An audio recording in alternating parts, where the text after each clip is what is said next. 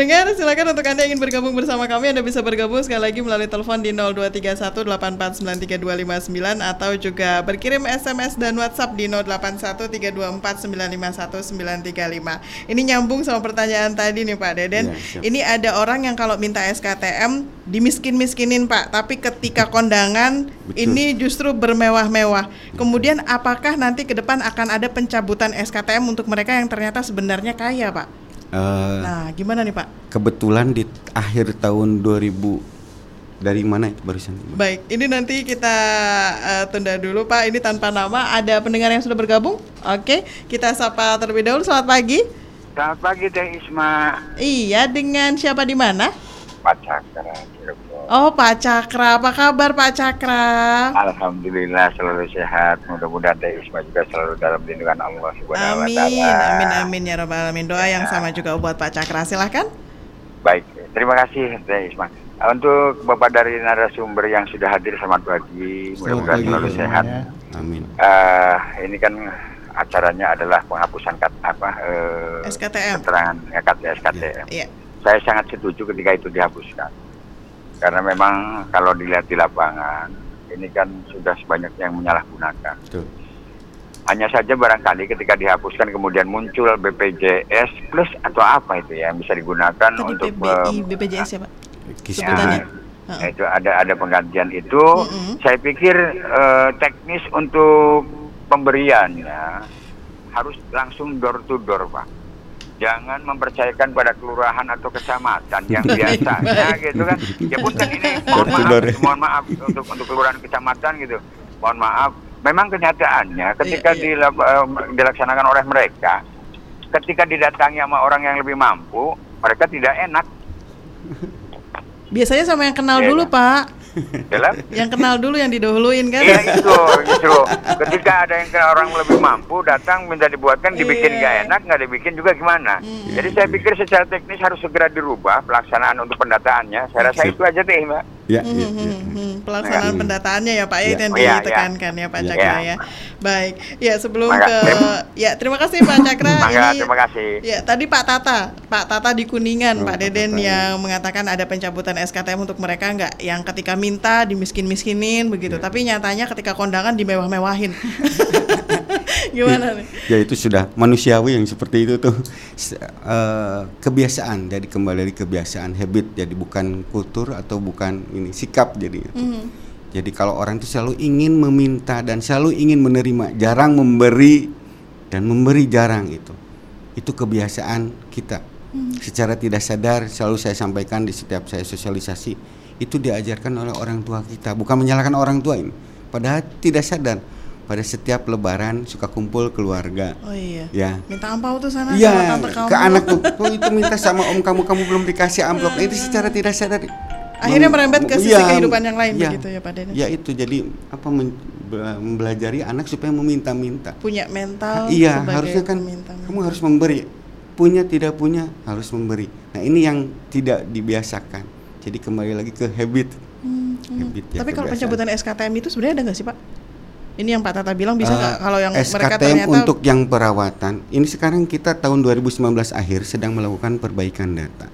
Yang polanya sekarang itu dari Permensos nomor 28 tahun 2017 untuk orang bisa masuk dan keluar dari basis data terpadu namanya basis data terpadu berisikan orang-orang miskin dan tidak mampu. Mhm. saya tidak bicara pakir kadang-kadang kan susah kalau bicara pakirnya urusan agama Mhm, mhm. Kayak baik. gitu ya Mhm. itu Eh, jadi polanya bukan dari pemerintahan desa tapi ada yang namanya puskesmas di situ pusat kesejahteraan sosial yang di mana di dalamnya ada Mhm. salah satu petugas yang untuk melakukan pendataan itu di luar dari pemerintahan desa atau kecamatan itu orang eh, PSKS Jadi sekarang sekarang insya Allah nanti lebih tepat Insya- sasaran ya Pak ya.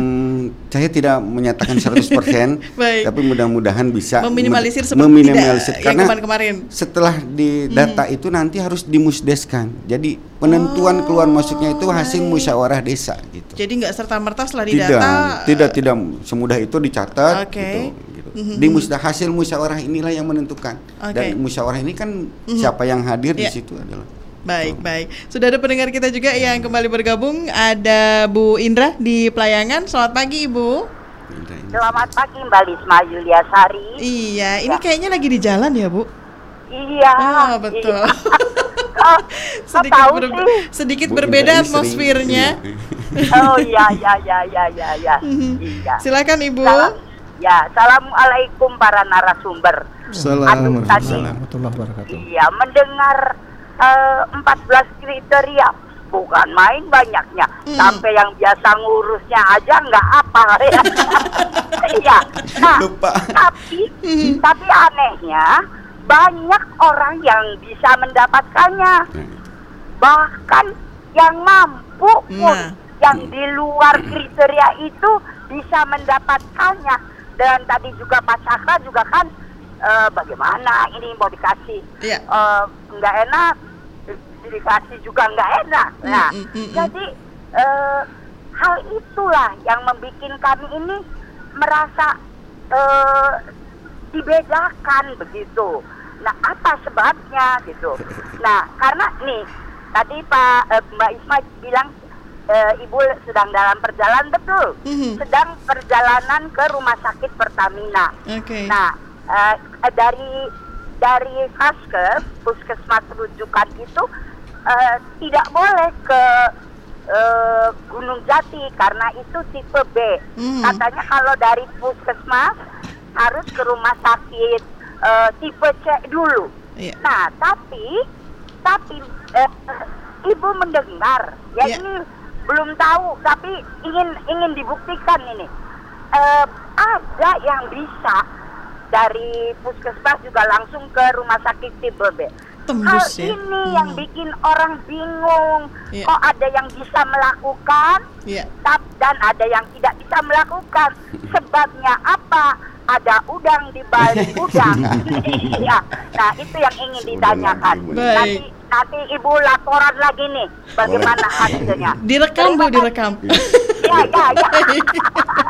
ya, Iya. ya Allah. Baik. Ibu. Assalamualaikum warahmatullahi wabarakatuh. Waalaikumsalam warahmatullahi wabarakatuh. Hati-hati di jalan Bu Indra. Iya, Pak Budi mungkin bisa langsung ditanggapi. Ada yang bisa tembus katanya Pak dari puskesmas bisa langsung ke tipe B, nggak harus ke tipe C dulu rumah sakitnya. Ya baik. eh, Gawat darurat. sebenarnya untuk kasus-kasus pasien yang bisa langsung ke rumah sakit itu, ya eh, itu secara umumnya eh, adalah kasus-kasus dengan emergensi gitu ya. Jadi tidak semudah itu sebenarnya ya gitu. Jadi apa namanya masyarakat langsung menuju ke rumah sakit gitu ya. Ke- eh, kemudian kita pun eh, sudah diatur eh, tentang rujukan secara berjenjangnya tadi. Eh, rujukan berjenjang itu dari mulai puskesmas, kemudian ke rumah sakit tipe C, eh tipe D dulu ya, Iya. Eh, tipe C, baru tipe B gitu seperti itu. Itu aturan dari Permenkes nomor satunya itu menyatakan seperti itu. Jadi saya ulangi lagi eh, apa yang disampaikan oleh ibu tadi, ibu, Indra. Indra, tadi eh, itu adalah kasus-kasus yang kategorinya adalah emergensi gitu ya, seperti itu. Jadi Bisa langsung. eh, bisa langsung gitu ya, karena memang harus segera ditindaklanjuti gitu ya. Tapi kalau kasus-kasus secara umumnya nggak bisa seperti itu ya. Jadi memang regulasinya seperti itu Iya, kan, betul, Pak ya, Bu. Ya. yang harus kita patuhi. Iya, Pak Agung ini mungkin bisa ditanggapi juga ini banyak yang bisa mendapatkan SKTM dengan mudah. Ada apa begitu Pak Agung? Iya iya. Menarik eh, pertanyaannya. Jadi memang eh, filosofinya kenapa ini awalnya ada SKTM, Iya. sih kita semua bisa flashback ke belakang bahwa memang negara itu menjamin eh, kebutuhan-kebutuhan atau hajat eh, hidup masyarakatnya. Salah satunya itu layanan kesehatan, khususnya kepada mereka yang keluarga prasejahtera. Makanya kenapa ada 14 indikator kemiskinan? Iya. Itu mungkin kita bisa klaster ada kaitan dengan ketidakmampuan. Kan kita harus ini dulu kalau tadi ditanyakan sebetulnya apa sih 14 indikator kemiskinan itu? Orang miskin itu adalah orang yang memang eh, secara ekonomi dia tidak punya eh, kekuatan untuk bisa memenuhi kebutuhan dasar hidupnya, baik yang sifatnya makanan ataupun non makanan. Nah, itu bisa didetailkan lagi dalam 14 indikator itu. Makanan dan makanan itu satu misalnya dari aspek fisik. Orang miskin itu bisa dari tempat tinggalnya saja sudah bisa terlihat rumahnya memang tidak layak huni. Tadi Pak Deden sampaikan Iya. atapnya, kemudian luas bangunan satu jiwa itu minimal nggak boleh kurang dari 8 meter persegi. Kalau satu rumah itu katakanlah dia punya eh, apa eh, ada lima jiwa, dia ada 100 meter persegi, itu sudah tidak bisa dianggap orang miskin mereka itu dan tidak berhak dia mendapatkan layanan SKTM. Pangan, pangan itu dalam indikatornya eh, batasannya hanya bisa 1 sampai dua kali sehari itu, gitu.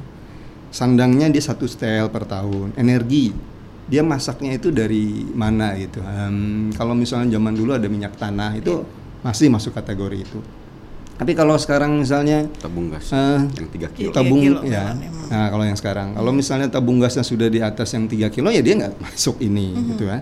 Airnya airnya dia cuma ngambil dari sumur yang terbuka uh, dan bisa kena Ya. sinar matahari. Itu kayak kayak gitu. Pendidikannya seperti apa? Pendidikannya ya Tamat tidak tamat SD atau hanya SD. Itu berarti dia memang kategori uh, uh, miskin ini. Kesehatan nah ini masuk nih kesehatan. Sebelum kesehatan misalnya penghasilan. Penghasilan ya dia tidak berpenghasilan ataupun punya penghasilan tapi tidak bisa mencukupi untuk kebutuhan uh, dasar tadi sehari-hari. Nanti kaitannya dengan garis kemiskinan. Kemudian yang terakhir tadi kesehatan tidak sanggup Barisma untuk bayar Hmm. biaya pengobatan kesehatan. Makanya pemerintah memberikan itu sistem servis layanan kesehatan untuk uh, orang-orang uh, prasejahtera ini Iya. di SKTM. Tapi perjalanan waktu tadi dari sisi uh, masyarakat Iya. itu banyak juga masyarakat yang Memanfaatkan. apa uh, memanfaatkan itu. Hmm. Risma istilahkan tadi penyalahgunaan uh, data. Iya. Sehingga kan kue pembangunan itu yang harusnya dia cukup Iya. Mengcover kebutuhan pembangunan untuk layanan kesehatan tadi jadi tidak cukup Pak Mudi tadi udah sampaikan Iya. karena tadi makin membludak ini 2018 itu sampai ke 2019 saya perhatikan Pak Mud itu jumlah eh, peserta SKTM itu eh, besar sekali ininya lonjakannya dari hanya Jadi setiap tahun itu selalu meningkat Iya, ya Pak ya? nambah terus. gitu. Gitu ya. Wow. Itu dari sisi uh, uh, apa namanya? uh, penerima manfaat. Dari sisi pengampu layanan para petugas operator tadi yang Iya. disampaikan Pak siapa itu? Ya, Pak Cakra. Ya, Pak Cakra juga Ibu yang Bu Indra. Bu Indra. Bu Indra, Mbak Putri dari klien juga. Itu artinya kalau saya petugas, kadang-kadang saya ketemu di lapangan itu ini suka ewu pakai ewu Bu. Orang orang iya, kita iya, itu iya, iya. nggak Nggak enakan, enakan, ya, nggak enakan, nggak iya. enakan. Saya menganggap sebetulnya orang ini nggak miskin-miskin amat, nggak Hmm, masuk di 14 kita tadi. Tetapi ya tadi Bahkan datang pakai motor gitu ya Pak ya? orang timur tadi Iya, iya, akhirnya iya, karena nggak enakan. pada ya. akhirnya hasilnya ya itu masuk di SKTM itu. Nah, itu kan berarti menambah beban, gitu kan? Nah, gimana solusinya? Pak Deden udah sampaikan. Gimana supaya orang yang 14 di 14 indikator itu memang benar-benar dia di situ masuk itu. Iya.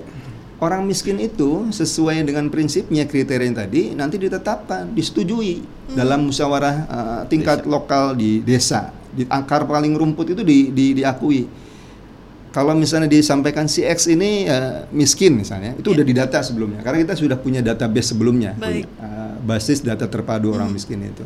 Nah nanti kita disesuaikan, disepakati dalam mustis itu. Ada pak pemerintahan desa, ada BPD. pak BPD, ada tokoh masyarakat, bahkan petugas keamanan pun ada di situ. Kalau kemudian yang bersangkutan dinyatakan miskin, masuk dia di BDT dan nanti dari daerah itu yang akan disampaikan ke pusat. Itu nanti yang akan jadi dasar bahwa orang tersebut akan mendapatkan layanan. Kalau tidak, ya tidak bisa, tidak bisa memaksa. Ya, yang dulu belum seperti itu, yang sekarang kita arahkan begitu. Jadi SKTM ini dihapus bukan berarti tidak ada solusi. Eh, idealnya dan kita akan akan arahkan itu. SKTM tidak ada, kita akan integrasikan. Syaratnya datanya diperbaiki dulu. Iya. Kemudian kita integrasikan dengan eh, masuk ke peserta PBI daerah. Oke. Jadi Jadi nggak semerta-merta hilang betul ya, Pak, ya? betul. Jadi ini dikonversikan dialihkan ke peserta PBI. Siapa yang berhak mendapatkan PBI daerah itu? Tadi yang kriterianya jelas tadi, nggak boleh juga sembarangan begitu. Jadi kalau misalnya datanya sudah fix, sudah sudah update, sudah bagus, Iya. sekarang sedang dilakukan oleh Dinsos, terus nanti kita apa namanya arahkan itu menjadi peserta PBI. Apakah nanti yang akan di cover oleh PBI gunakan JKN APBN ataupun mungkin yang akan di cover oleh eh, daerah. Saya Oke. kira eh, mudah-mudahan upaya-upaya seperti itu bisa bisa membuat apa eh, solusi ke depan. Amin, amin, amin, dan Ya. semoga lebih tepat sasaran Ya. itu ya Pak ya. Mudah-mudahan. Baik, sudah ada pendengar kita juga yang sudah bergabung. Ada Ibu Kusri Kapti di Tegal. Assalamualaikum, selamat pagi Ibu. Bismillahirrahmanirrahim. Eh, selamat pagi Mbak Isma Yasari, Mbak Lisma Yuliasari dan Iya. bapak-bapak narasumber ya. Pagi juga Ibu. Silakan Ibu. Pagi. Assalamualaikum warahmatullahi wabarakatuh. Waalaikumsalam warahmatullahi wabarakatuh. Ya, langsung ke pertanyaan bapak-bapak. Monggo, Tadi dikatakan kalau pemerintah, pemerintahan negara gitu itu sudah tidak boleh membiayai eh, jaminan kesehatan secara apa namanya ya, eh, secara dualisme gitu. Mhm, mhm. Apakah ini memang sebelumnya ada yang seperti itu atau bagaimana? Karena kan kebijakan katanya tidak boleh tumpang tindih. gitu. Jadi kalau ada dualisme itu kan berarti ada tumpang tindih dan kalau ada tumpang tindih itu berarti kalau pendapat saya ini berarti ada sesuatu yang tidak beres gitu atau tidak semestinya. Kemudian pertanyaan kedua soal eh, kriteria kemiskinan atau indikator kemiskinan itu katanya tadi ada 14. Nah, berapa indikator seseorang itu bisa dikategorikan miskin dari 14 kategori itu. Kemudian ini sih pikiran saya saja Bapak-bapak. Kalau semua indikator itu termasuk berarti mungkin itu bukan miskin lagi tapi di bawah kemiskinan. Itu bagaimana Baik, Bapak-bapak? baik. Terima kasih Mbak Lisma Sama-sama, Yuliasari dan. Bapak-bapak. Mohon maaf. Assalamualaikum warahmatullahi wabarakatuh. Waalaikumsalam warahmatullahi wabarakatuh. Ya. Silakan siapa yang ingin menjawab nih Pak Deden dulu Tadi silakan. yang sedikit eh, mengomentari Bu Kusri dari Tegal bahwa pemerintah itu tidak sama dengan negara. Pemerintah itu bagian daripada negara itu. Jadi yang bertanggung jawab di dalam Undang-Undang Dasar 45 itu bukan hanya pemerintah. Karena negara kan terdiri daripada pemerintah, masyarakat secara luas, dunia usaha juga. Gitu. Jadi ada ada empat elemen di dalam. Nah itu kadang masyarakat kan negara di situ hanya pemerintah saja. Mhm, mhm. Di dalamnya adalah bagian kalau pemerintah itu bagian. Tadi ada Bapak siapa Pak Musa yang menyampaikan bahwa keterbatasan anggaran analisisnya cukup bagus. Iya. Nah, itu berarti di, di dalamnya ada bagian lain dari pemerintah yang harus ikut bertanggung jawab karena dalam negara itu negara kan ada penduduk Mhm. Itu. Terus eh, sebelumnya memang kita tidak pernah ada aturan hanya sejak diberlakukannya undang-undang jaminan kesehatan ya Pak Mudi tahun berapa Pak Mudi undang-undang jaminan kesehatan itu. Nah itu semua harus masyarakat itu harus di cover oleh BPJS undang-undang jaminan kesehatan gitu. Hanya kan pada saat itu data itu belum beres semua Bu, belum beres semua. Mhm. Sejak 2015 kita belum pernah melakukan pendataan sampai baru dua, akhir 2019 Berarti ini sudah hampir lima tahun ya lima Pak ya? tahun apalagi kalau me- sejarah data tersebut dari tahun kapan gitu data itu belum pernah kita perbaiki baru saat ini mau kita perbaiki Mhm. jadi wajar kalau misalnya ada masyarakat yang miskin belum masuk Iya. tadi ada masyarakat mampu Iya. masuk malah gitu Mhm. karena kan mungkin roda berputar dulunya miskin sekarang, Hmm, Sekarang sudah mampu, mampu. Ya, Hmm. dulunya mampu sekarang miskin Hmm, itu hal suatu yang yang suatu wajar kewajaran Hmm. terjadi. Dan itu roda kehidupan. Dan suatu keniscayaan di dalam data tersebut pasti ada yang meninggal ada yang melahirkan. Itu kan perlu dirubah data selama ini kita. Jadi itu yang menyebabkan banyak orang mampu Hmm. mendapat yang tidak mampu tidak mendapat gitu. Hmm. ya kita berbaik sangka saja bu ya bukan berarti petugas pendatanya tidak benar atau Iya, bagaimana. tadi SKTM ada apa ada apa? Sebenarnya tidak ada dan tadi ibu yang ibu Kusri dari Tegak Iya. 14 kriteria yang harus masuk dalam kemiskinan 9 kriteria masuk kemiskinan dari 14 itu 9 kriteria masuk itu bisa dinyatakan miskin gitu. Sekarang saya buka nih Bu yang tadi 14 kriteria luas tanah Iya. bangunan tempat tinggal kurang dari 8 meter persegi itu Baik. masuk. Terus jenis lantai tempat tinggal terbuat dari tanah, bambu atau kayu yang mudah rusak. Hmm. Jenis dinding tempat tinggal dari bambu, kayu atau bahan lain yang rendah kualitasnya yang mudah rusak. Tembok pun tidak diplester tidak memiliki fasilitas buang air besar bersama atau buang air besar bersama-sama numpang ke orang lain. Sumber pem- eh, penerangan rumah tangga tidak menggunakan listrik atau menggunakan listrik tidak lebih dari 900 watt. Sumber air minum berasal dari sumur mata air tidak terlindung sungai atau air hujan. Bahan bahan bakar untuk memasak sehari-hari kayu bakar itu zaman dulu karena sudah dimodifikasi Iya. lagi sejak ada yang tabung gas Tabung. melon itu semua kan itu semua masak itu bantuan. Oke. Uh, hanya mengkonsumsi daging, susu, ayam dalam satu kali satu minggu. Itu. Makanya sekarang ada uh, yang bantuan pangan Iya. Itu telur itu untuk sebenarnya untuk orang miskin dan tidak mampu beras dan telur. Biaya membeli satu setel pakaian uh, baru dalam setahun hanya satu tahun gitu Baik. ya mereka. Hanya sanggup makan sebanyak satu kali satu atau dua kali sehari. Tidak sanggup membayar biaya pengobatan. Sampai ke poliklinik puskesmas kan empat ribu. Iya, itu juga nggak mampu nggak ya, mampu. ya. makanya Baik, ada jaminan kesehatan biar nah, itu. Sumber penghasilan kepala rumah tangga adalah buruh harian lepas Iya. rata-rata buruh harian lepas buruh tani buruh pokoknya Iya. yang tidak mampu mencukupi untuk pemenuhan kebutuhan dasar untuk Baik, makan baik. untuk beli pakaian untuk Iya. kesehatan itu kan kebutuhan dasar Mhm, manusia mhm. itu pendidikan mungkin menyusul Baik. itu karena sekarang pendidikan sebenarnya gratis Iya, iya. pendidikan tertinggi kepala rumah Mhm. tangga tidak tidak tamat SD atau tamat SD. Kepala rumah tangganya kalau anaknya boleh Iya. sampai insinyur juga. Baik, betul betul Pak. Tidak memiliki tabungan barang yang mudah dijual dengan Mhm. nominal 500 ribu. Nah ini yang mungkin kalau memenuhi Iya. kriteria semua ini tidak sedikit lah Betul, bisa betul. dihitung jadi dalam satu Mhm. desa ini. Baik. Cuman baik. kan ada eh, Iya. kriteria yang Mhm. kriteria Benar-benar lokal, begitu ya, iya. Pak ya.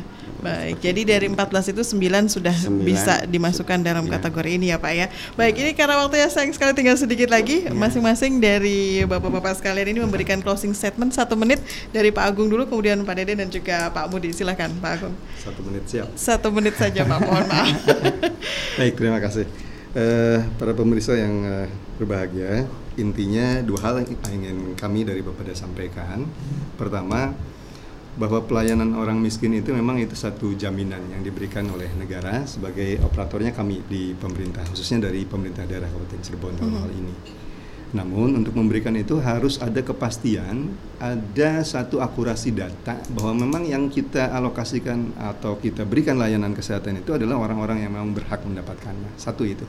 Yang kedua, eh, kita dari awal sampai akhir memang karena memang judulnya itu penghapusan SKTM, bagaimana cara mengurus. Mhm. Saya clue-nya satu saja, jangan lupa juga kita jangan terlalu terus terkonsentrasi kepada sakit sehingga kita lupa untuk bagaimana hidup sehat. Gitu. Jadi Bener, bener, edukasi Pak. masyarakat ya Iya. sama-sama kita, insya Allah hidup sehat itu sederhana, murah dan mudah. Baik. Ingat, saya ingat eh, apa eh, dari launching BPS pengeluaran terbesar kedua setelah konsumsi beras dari orang-orang miskin itu adalah belanja rokok. Ah, Oke, iya. mari kita hidup sehat ke depan. Insya Allah SKTM tidak begitu Iya. eh, apa namanya eh, menjadi persoalan kita alihkan ke kepesertaan PBI. Baik, Terima kasih. baik. Jadi fokus ke sehatnya dulu ya, Sehat, Pak iya. ya. Iya. Baik, luar biasa. Pak Deden silakan. Ya, terima kasih. Eh, sekarang data orang miskin dan tidak mampu ada di desa semua. Sudah ada di desa yang selama ini kita tidak tahu siapa penerima penerima bantuan apa saja sekarang ada di desa. Nah, tinggal desanya data tersebut mau dibagaimanapun, mau dibagaimanakan gitu oleh desa tersebut. Eh, karena mereka selama ini ya termasuk bapak-bapak tadi dan ibu-ibu yang komentar di ini bahwa banyak yang tidak tepat sasaran. Betul. Nah, sekarang dikembali data ada di desa silakan gitu. Silakan data tersebut mau di- apa mau tetap begitu atau mau diperbaiki biar Iya. eh, anggaran yang terbatas yang dimiliki oleh pemerintah tepat sasaran dan berhasil guna gitu. Baik. Gitu. Itu mungkin dan Nah, kita betul kata Pak Agung, jangan bicara sakit-sakit bukan berarti orang eh, miskin tidak sakit. boleh Iya, sakit iya, gitu. iya. Tapi kita lupa bicara sehat. Nah, itu Jaga kadang kesehatan itu lebih yang ya, utamanya lebih ya, Pak mendahulukan ya. Eh, membeli rokok betul kata daripada ikut menjadi peserta BPJS padahal kalau konsumsi rokok itu lebih besar daripada Paling sekarang naik ya, Pak. baik, Itu, baik. terima kasih. Jadi ini kerjasama semua masyarakat diperlukan banget ya Pak ya Betul, untuk betul, verifikasinya betul, ini ya. iya, betul. Baik, baik. Pak Budi silakan. Eh, baik, terima kasih dari Dinas Kesehatan. eh, kami akan menyampaikan beberapa hal. Pertama bahwa memang dalam penyelenggaraan pelayanan kesehatan ini, khususnya di dalam memberikan jaminan kesehatan masyarakat, eh, kami berkewajiban untuk menyiapkan anggaran ya gitu ya, menyiapkan anggaran eh, untuk memberikan eh, jaminan kesehatan kepada masyarakat. Nah, tentunya dengan eh, kewajib apa dengan tugas ini kami eh, tentunya berharap agar pertama dari sisi apa eh, data dulu nih yang perlu disiapkan gitu ya. Jadi karena anggaran itu kan harus berbasis data juga gitu. Iya. Nah, maka itu kami Dinkes eh, berupaya dan mengharapkan sekali agar nanti dari hasil verifikasi dan validasi data yang dilakukan oleh eh, para puskesos yang dilakukan di setiap desa itu adalah merupakan data-data real masyarakat miskin dan tidak mampu yang memang pantas dan wajar untuk diintegrasikan sebagai kepesertaan PBI PBI daerah. Nah, itu jadi jadi int- intinya ke depan dengan tidak adanya SKTM itu bukan berarti masyarakat miskin eh, apa namanya Tidak itu diperhatikan. Tidak diperhatikan. tidak diperhatikan, tetapi Hmm, hmm, diperhatikan, tapi dialihkan menjadi kepesertaan PBI daerah. Nah itu, Baik. Jadi itu ya mungkin sebagai apa eh, upaya yang kita lakukan bersama dengan seluruh jajaran terkait. Terima kasih. Baik, baik. Jadi nggak usah khawatir ya Pak ya, tetap Betul. diperhatikan sama Akan pemerintah ya. Baik, sekali lagi terima kasih banyak untuk Pak Gumilang Kabit Pemerintahan Sosial Budaya Bapelit Bangda Kabupaten Cirebon, Pak Deden Kepala Bidang Pengembangan dan Pemberdayaan Partisipasi Sosial Masyarakat Dinas Sosial Kabupaten Cirebon dan juga Pak Mudiono Kasih Jaminan Kesehatan Dinas Kesehatan Kabupaten Cirebon. Sekali lagi terima kasih banyak Bapak-bapak sekalian, sama-sama. sukses selalu. Amin. Dan pendengar hingga di sini kebersamaan kami menemani Anda dalam sajian dialog pagi kali ini. Terima kasih untuk kebersamaannya. Selanjutnya akan kami hadirkan untuk Anda berita daerah dalam bahasa Sunda yang akan disampaikan oleh Alex Sunardi. Kami pamit undur diri. Wassalamualaikum warahmatullahi wabarakatuh.